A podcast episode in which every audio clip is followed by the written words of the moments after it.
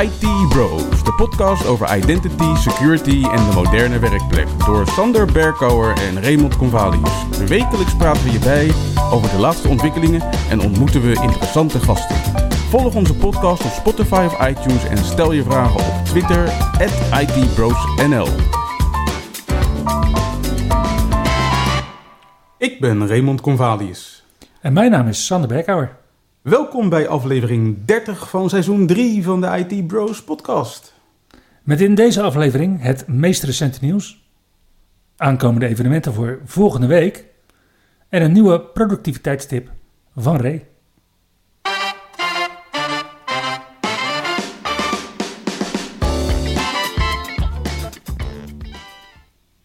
Hey Ray, ken je dat? Van die groene halsbandpakieten?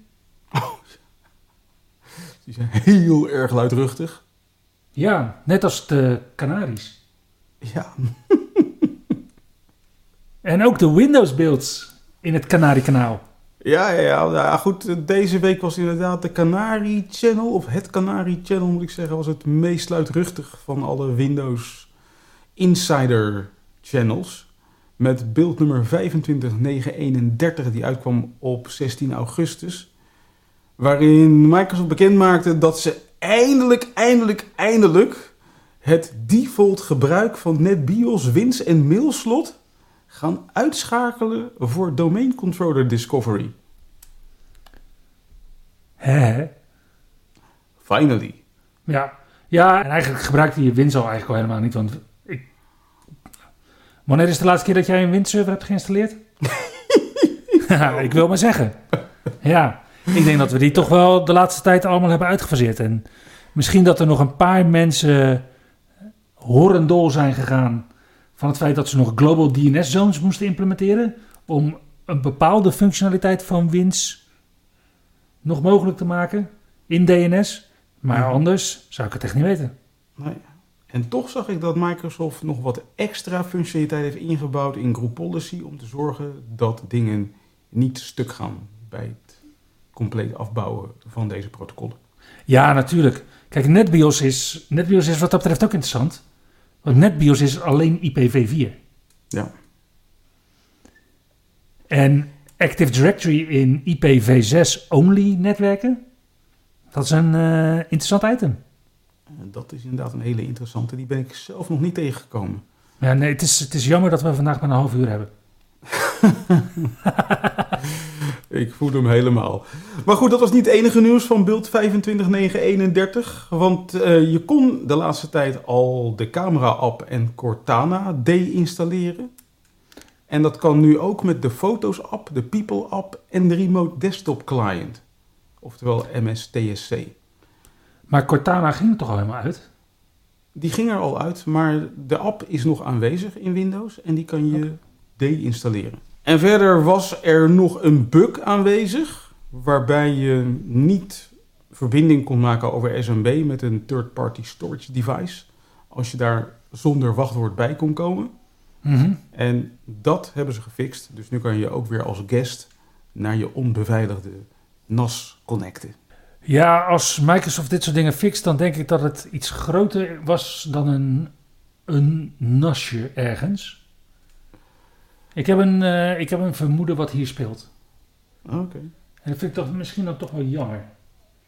Want, kijk, als Microsoft zoiets fixt Mhm.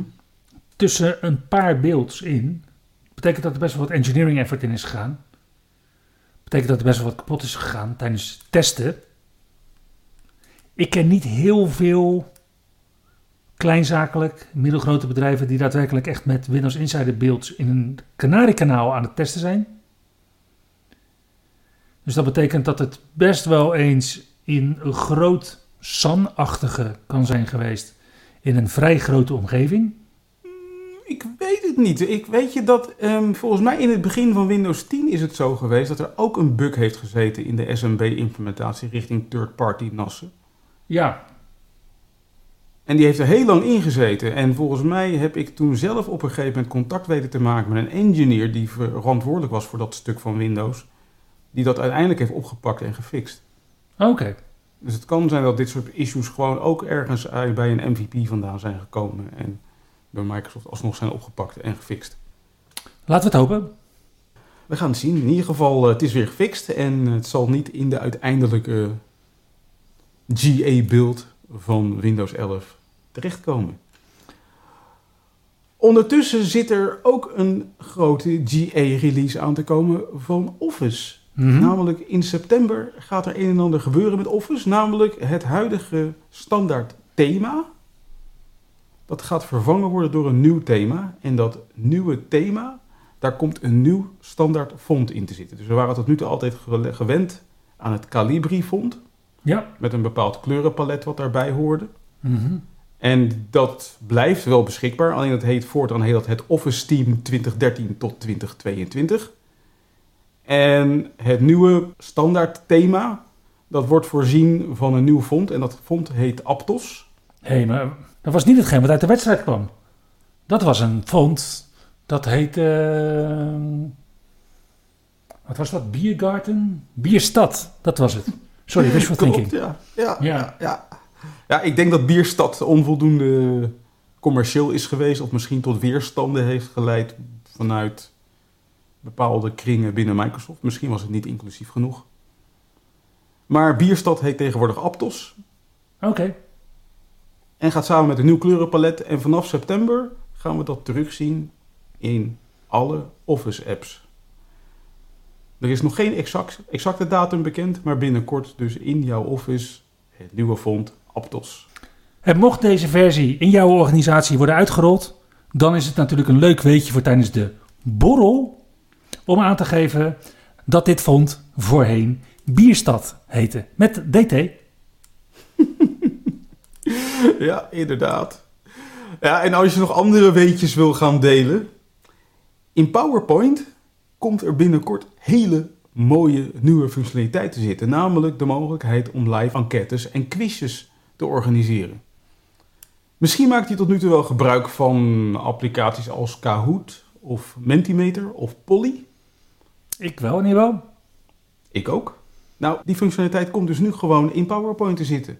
Je kan forms inbedden in je PowerPoint-presentatie. Oké. En op het moment dat je dan zo'n vorm embed, dan kan je zeggen van nou, dit moet gewoon een formulier worden of een quiz. En vervolgens kan je een quiz maken in je browser en toevoegen aan je presentatie. En dan vervolgens naast de quizvraag verschijnt er dan een QR-code.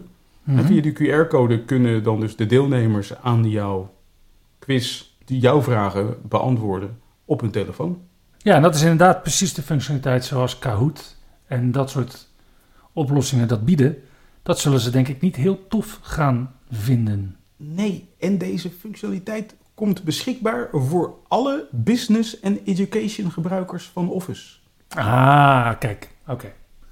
Dus Kahoot kan nog steeds licenties slijten aan mensen met Office Personal Ja, dat zullen er niet zo heel veel zijn, denk ik. en Office Home.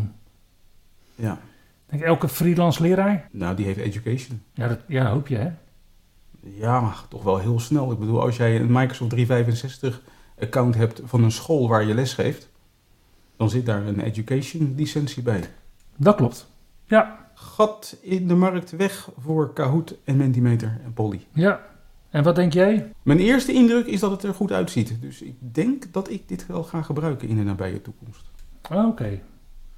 Ja, ik denk dat we nog dit jaar een rechtszaak eh, gaan zien. Dat zou ook nog zomaar kunnen. Ja, ondertussen zijn onze collega-MVP's ook druk bezig om leuke extra functionaliteit toe te voegen aan van alles en nog wat wat Microsoft bouwt. En dat zag ik van de week ook terug van collega-MVP Stefan van Rooij. Die heeft een tool gebouwd om iedere Winget-applicatie te kunnen toevoegen als package voor Intune. Handig. Ja, en die tool die heeft hij ook nog gratis te downloaden gemaakt op GitHub. Uiteraard, want het is een MVP. Precies. En hij vraagt iedereen om het uit te proberen die hiernaar op zoek was en feedback aan hem te leveren. Dus de link zometeen in onze show notes op itbros.nl. Tijdens de aflevering vorige week hadden we het over kwetsbaarheden die Microsoft dichtte tijdens de Patch Tuesday, de tweede dinsdag van de maand. En daarin heeft Microsoft ook zes kwetsbaarheden gedicht in Exchange Server. Je weet wel dat mailpakket wat organisaties tien jaar geleden stevast gebruikten, maar waarvan de meeste gebruikers inmiddels naar de cloud zijn verhuisd. In ieder geval met een mailbox. Hè? Maar er draaien nog zat Exchange Server installaties, weliswaar zonder mailboxen, meestal, bij organisaties, omdat ze nog steeds in een hybride situatie zitten met, wat hadden wij nou vorige week besloten? Entra Connect, toch? ja. Ja, ja met, omdat ze in een hybride installatie zitten met Entra Connect. Nou, die patch voor Exchange, die heeft Microsoft dus nu opnieuw uitgebracht. Want er waren problemen. In de loop van de week zagen we daar al de eerste berichten van. Want wat bleek, als je de Exchange patch installeerde op Exchange servers in de Duitse taal, die is in ieder geval zeker, maar het zou dus zomaar in nog veel meer, zo, in nog veel meer niet-Europese, sorry, in, maar het zou dus ook in andere talen anders dan English United States kunnen voorkomen. Dan ging je Exchange server installatie kapot stuk. Ja. En de regel die Microsoft daarover schrijft is: The setup fails with the error code 1603 and leaves a faulty Exchange installation. Nou, als je het hebt over nachtmerries voor Exchange beheerders, dan is dit er wel één van. Mm dus Microsoft trok de patch terug en publiceerde een procedure om de Exchange server weer werkend te krijgen. En op 15 augustus heeft Microsoft versie 2 uitgebracht van de August 2023 Exchange Server Security Update Package. Die je nu wel zonder zorgen kunt installeren op Duitse, maar ook op allerlei andere talen van Exchange Server als je je daar nog zorgen over maakt. Ja, en daarmee kan je in ieder geval een aantal belangrijke kwetsbaarheden wegwerken. En dat dat belangrijk is, blijkt wel weer uit een rapport wat onlangs is uitgekomen in een samenwerkingsverband tussen de Amerikaanse Cybersecurity Agency, mhm. de FBI en soortgelijke instanties uit Australië, Canada, Nieuw-Zeeland en de United Kingdom. Die hebben een inventarisatie gemaakt van de meest misbruikte kwetsbaarheden van 2022, dus 2022. En tegelijkertijd geven ze een paar tips. En laat ik maar weer even mijn grote schoenen aantrekken om een paar deuren in te trappen. Ja, een paar open deuren nog even verder open te trappen. Precies. Namelijk patch tijdig je software. Nee. Zorg dat je security tools gebruikt, zoals een endpoint detection and response tool.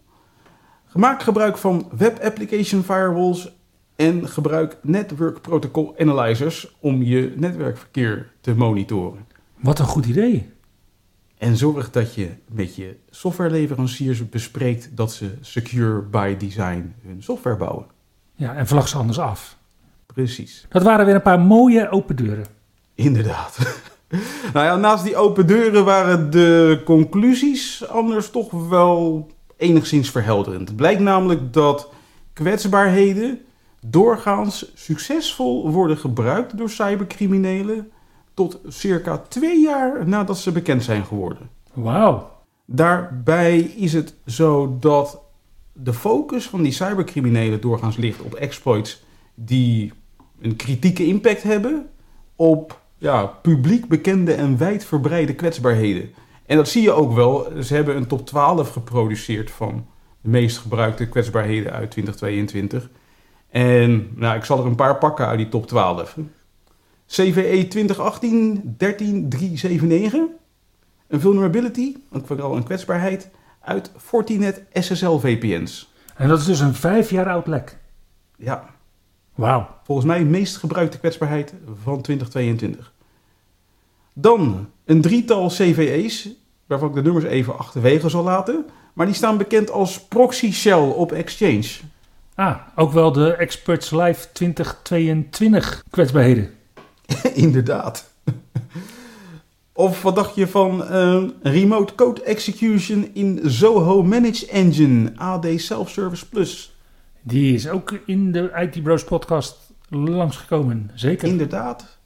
En dan komt eh, twee keer komt eh, Atlassian aan de beurt met Confluence Server en Datacenter. Met een CVE 2021 26084 en CVE 2022 26134. Dan zie ik nog eh, F5 voorbij komen met de Big IP met CVE 2022 1388. Maar dan zou je toch wel verwachten dat er in die top 12 toch ook een kwetsbaarheid in Windows zelf zit, in het besturingssysteem. Eentje. Ja, want ik heb ze nog niet gehoord namelijk. Nou, dat is er één dan dus. CVE 2022 30190. De Microsoft Support Diagnostic Tool. Ja. Weet Ja. je nog? Ja, dat is ook een mooie kwetsbaarheid inderdaad. Maar inderdaad, opvallend weinig kwetsbaarheden in Microsoft producten in deze lijst. Nou ja, Exchange Server natuurlijk eh, eh, vrij hoog. Ja, Die valt natuurlijk ook te verwachten, want dat was ook een, een behoorlijke, eh, hoe zou Femke dat zeggen? Eh shitshow. ja. zoiets. Maar inderdaad dat er in de top 12 één Windows kwetsbaarheid zit. Dus dat het, dat het eigenlijk dus wel redelijk snor zit met de beveiliging van het besturingssysteem op de meeste enterprise PC's. Ja, dat stemt toch wel hoopvol. Inderdaad. En dit was een rapport met de meest misbruikte kwetsbaarheden van 2022. Ja. Ja. Ja, want deze week werd wel een nieuwe kwetsbaarheid bekendgemaakt. En die is in 2022 gemeld bij Intel. Maar nu pas publiekelijk gedeeld. En dat, dat kan ook best wel eens een forse worden. Vertel. Ken jij nog de Spectre kwetsbaarheden? Ja. En de Meltdown kwetsbaarheden? Ja. In de Intel processoren was dat voornamelijk. Ja, daar kan ik me wel iets van herinneren. Iets Ja. met eh, virtualisatie volgens mij was dat toen. Nou, het ging ook weer om optimalisatie van performance. Mhm. En ook AMD bleef niet buiten schot, want er is natuurlijk een Inception kwetsbaarheid daar. En deze nieuwe kwetsbaarheid, die als naam Downfall heeft gekregen, als rugnummer CVE 2022-40982, is eigenlijk een beetje hetzelfde als Inception voor AMD, maar dan voor Intel-processoren. Hij is op 24 augustus 2022 gemeld door Daniel Mohimi van Google bij Intel. Mhm. En Intel heeft daar best wel snel antwoord op gegeven. Want de 12e en de 13e generatie van Intel Core en Intel Xeon processoren zijn niet meer kwetsbaar. Mhm. Maar elke processor sinds Skylake, dan hebben we het dus over 2015 tot 2022, is kwetsbaar voor deze aanval. Oké. En wat een aanvaller kan, is dat die zich met kwaadaardige software kan richten op stukken geheugen, waar zich, en dan natuurlijk vooral in cloudomgevingen, wachtwoorden van derden kunnen bevinden. Oeh. Ja. En dat komt omdat die processoren ongewenst hardwarematige registers prijsgeven. Hm. Dan weet je waar je zit in het geheugen en dan kan je dus naar andere geheugenstukken springen. Klinkt er als eentje die inderdaad lastig kan uitpakken, met name als je je bezighoudt met het aanbieden van virtualisatieplatformen. Ja, nou moet ik wel aangeven dat dit al door Intel is geadresseerd met firmware updates. Mhm. En dat we in Intune gelukkig voor endpoints al hele goede firmware update mogelijkheden hebben. True. Dus we hebben, in tegenstelling toen met Spectre, nu natuurlijk wel veel meer gereedschap, als werkplekbeheerders in ieder geval, om dit te adresseren, mocht dat nog nodig zijn in onze organisatie. Ja, het is natuurlijk ook maar de vraag waar ze het in oplossen. Hè? Want je ziet dat met innertijd met Spectre werd het volgens mij ook opgelost in de software. Ja, je gaat een, hardware, je gaat een hardwarematige processor niet even omsolderen. Nee, precies. Dus in die, in die zin, nou ja goed, maar de- volgens mij was er ook wel iets als een patch die meer richting de CPU ging. En dan zonder omsolderen. Ja, gewoon het firmware van het moederbord. Ja, precies. Ja, En, en, en anders kon het in het OS vaak ook nog wel enigszins worden gemitigeerd. Spannend, maar eh, ja, het kan inderdaad nog wel eens een eh, stevige staart krijgen, deze downfall. Ja, en ik denk dat Amazon zich stiekem in zijn vuistje lacht omdat zij de grootste AMD-klant vorig jaar waren. Ja, maar die hadden ook een probleem vorige week volgens mij. Ja, maar dat is een ander verhaal. Ja, ondertussen werd ik afgelopen week vlak na onze podcast verrast met een mededeling van vriend van de show Matthijs Hoekstra. Matthijs vierde afgelopen week zijn laatste dag voor Microsoft. Uitbundig op Ja. Facebook. En daarmee verliezen we toch wel een zeer gewaardeerde gast van deze podcast. Die zich onder andere bezighield met verifiable credentials en decentralized identities. Op het laatst. Ja. Maar daarvoor natuurlijk ook al met SharePoint en met Windows Mobile en dat soort zaken. Ja, hij heeft er een eh, glansrijke carrière binnen Microsoft op nagehouden. Zeker. En ik heb hem al in het begin van die mooie carrière mogen leren kennen als een hele fijne collega om mee samen te werken. En ergens vind ik het wel jammer dat hij weggaat. Maar goed, hij gaat een hele interessante stap zetten, want hij gaat aan de slag bij het bedrijf TBD als tech partner lead. En gaat zich daar bezig blijven houden met verifiable credentials en decentralized identities.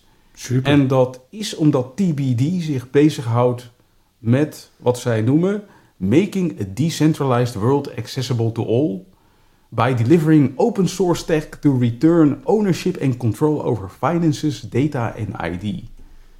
Klinkt heel interessant en ik denk dat het interessant genoeg is om op niet al te lange termijn toch nog eens een keertje met Matthijs te gaan praten wat hij nou precies is gaan doen. Dus eh Matthijs, succes en eh, ongetwijfeld tot ziens. Zeker. Tijdens de vakantie heb ik op.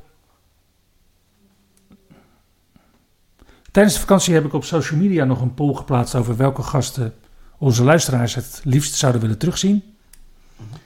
En daar stond de naam van Matthijs ook bij. En die was populair. Er waren andere populaire mensen, die heb ik intussen ook al uiteraard gecontact. Maar er waren ook stemmen voor onze zomergast. En hoe langer ik daarover nadenk, hoe meer ik dat aspect van IT ga waarderen. Nou ja, het is in mijn oog altijd wel een van de ultieme uitdagingen geweest van de IT. Namelijk het bedienen van een jong publiek als eindgebruikers. Ja, En dat blijkt ook wel weer, want eh, ik kreeg eh, mail van een van onze vaste luisteraars, Martin. Mhm. En die stelde de volgende vraag. We weten allemaal dat security zo sterk is als je zwakste schakel. Vaak zijn dat eindgebruikers. Maar wat nu als je eindgebruikers voor 75% bestaat uit personen van de leeftijdscategorie 12 tot 16-jarigen? Hoe zouden jullie dit aanpakken en welke mogelijkheden heb je? Ik denk dat we allebei wel enige ervaring hebben met deze leeftijdscategorie. zeker. Zeker. ja, maar ik, ik ga niet pretenderen dat ik de antwoorden heb. En ik denk dat het juist een, een, een hele logische vraag is om binnenkort even te stellen aan een gast. Sowieso. Sowieso. Maar ik denk dat eh, ook voor deze doelgroep de, een, er een aantal basisuitgangspunten gelden. Zo, moet je zo, denk ik altijd uitgaan van een least privilege principe. Zou je ervan uit moeten gaan dat je ze als eindgebruiker moet bijbrengen wat hun rol is en wat hun verantwoordelijkheden zijn ten aanzien van het gebruik van de IT-middelen. Zodat ze ook duidelijk is hoe ze zichzelf het beste kunnen beschermen. En ja, ik bedoel, de, uiteindelijk zou je met het beheer van die apparaten en de diensten die je ze levert, minstens zo secuur om moeten gaan als dat je dat zou doen in een bedrijfsmatige omgeving. Ja, wat we vroeger deden bij scholen, dat kan je je misschien ook wel herinneren, Ray, is dat we natuurlijk de configuratie van een machine bij elke herstart terugzetten naar een basisconfiguratie. Bijvoorbeeld met de toen heel succesvolle Reborn kaartjes. Ja. Nou ja, tegenwoordig kan het natuurlijk vrij eenvoudig als je gebruik maakt van een Windows Cloud PC Mhm. of een Azure Virtual Desktop. Waarbij je sowieso de schade enorm kan beperken. En Ja. ik denk dat zeker Windows Cloud PC met al zijn nieuwe mogelijkheden daar een aantal hele leuke nieuwe opties aan heeft toegevoegd. Maar ik denk dat het een goede is om daar binnenkort eens een keer een gast over uit te nodigen. Ja, we zouden zomaar ineens eh, een briljant idee krijgen als eh, beste docent. Begin eens een succesvol TikTok-kanaal.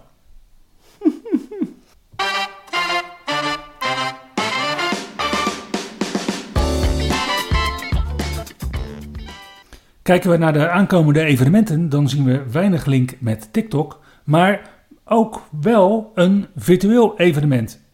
Maar we beginnen met twee fysieke evenementen. Want maandag 21 augustus kun je aansluiten bij de Women in Cybersecurity voor een Introduction to Cybersecurity and Compliance. Dat doen ze op maandag op twee tijdstippen, namelijk van half tien tot twaalf en van kwart voor drie tot zes. En alleen de middaggroep heeft nog plek. En wat zij aanbieden is een evenement bij Microsoft Nederland op Schiphol, waarbij ze je de hele achtergrond vertellen van cybersecurity en compliance. Op woensdag 23 augustus kan je in Utrecht aansluiten bij de Dutch Decentralized Identity Profile. Bij de verkaderlocatie Stationsplein in Utrecht. En dat evenement vindt plaats vanaf half vijf tot half zeven om je volledig te laten bijpraten op alle initiatieven die zich plaatsvinden ten aanzien van decentralized identities. En heb jij nog vragen over Windows in de cloud, dus bijvoorbeeld over Azure Virtual Desktop, dan is Christian Montoya vanuit Microsoft beschikbaar op woensdag 23 augustus van 8 tot 9 uur s ochtends. Ja, Seattle time. Dus 5 tot 6 uur s middags hier bij ons om deze te beantwoorden. Gewoon online, gewoon kosteloos, gewoon doen.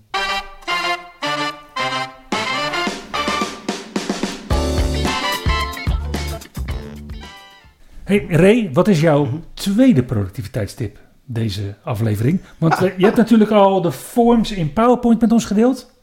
Ja. Nou, deze wilde ik nog even doen omdat ik hem vorige week min of meer heb beloofd. Namelijk, er zit een stukje nieuw gedrag in Outlook in combinatie met Edge. Mhm. Als je gebruik maakt van een work or school account. En mogelijk ook wel als je gebruik maakt van een Microsoft account, een MSA. Namelijk als jij een mail ontvangt met een linkje en je Mhm. klikt erop en hij opent in Edge, dan opent Edge in wat heet de site pane ook meteen het mailbericht nog een keer voor je. Ik was er niet zo van gecharmeerd. Jij wel? Nou ja, hij opent dus bij mij het mailtje niet, maar mijn aanmeldvenster waarin ik moet kiezen tussen al mijn e-mailaccounts. Nou, daar ben je dan ook wel bijzonder van gecharmeerd. Ja. En vervolgens, omdat ik elke dag MFA mag doen, mag ik dus nog een keer MFA doen in Edge. Dus mijn hele statistieken van hoe vaak ik MFA doe, die zijn natuurlijk eh, compleet wack. Dus ja, nee, zeer gecharmeerd. Nou, ik heb single sign-on wel voor elkaar op mijn eh, Windows 11 machine. Dus hij vraagt mij niet nog een keer om in te loggen. Maar ja, die tweede keer Outlook in Edge is voor mij toch een klein beetje overkill. En ik had zoiets van, dat hoeft niet en dat wil ik ook gewoon uitkrijgen. Nou, en dat kan ook makkelijk uit. En die optie blijkt te zitten bij je instellingen van Edge, oftewel de settings. En als je dan kiest voor sidebar, dan zie je vervolgens onder app en notification settings zie je een entry staan voor Outlook. En als je daarop klikt, dan zie je vervolgens een schakelaartje bij de optie Automatically Open Outlook Email Context in the side pane. En als je die uitzet, dan doet hij dat niet meer. Ah, no more pain. Zo uit. Inderdaad. En als je dan ook nog gebruik hebt gemaakt van een Edge profiel, waarbij je bent ingelogd met je Work or School account in Edge, dan neemt hij die instelling keurig netjes voor je mee naar je andere machines en heb je er dus geen last meer van. Dankjewel. En daarmee komen we aan het einde van aflevering 30 van seizoen 3 van de IT Bros podcast. Dankjewel voor het luisteren. En tot volgende week. Tot de volgende keer. Je luisterde naar IT Bros, de wekelijkse podcast over identity, security en de moderne werkplek. Abonneer je op Spotify, iTunes of Google Podcast als je de volgende aflevering niet wilt missen. Heb je hints of tips? Laat dan van je horen op Twitter. @itbrosnl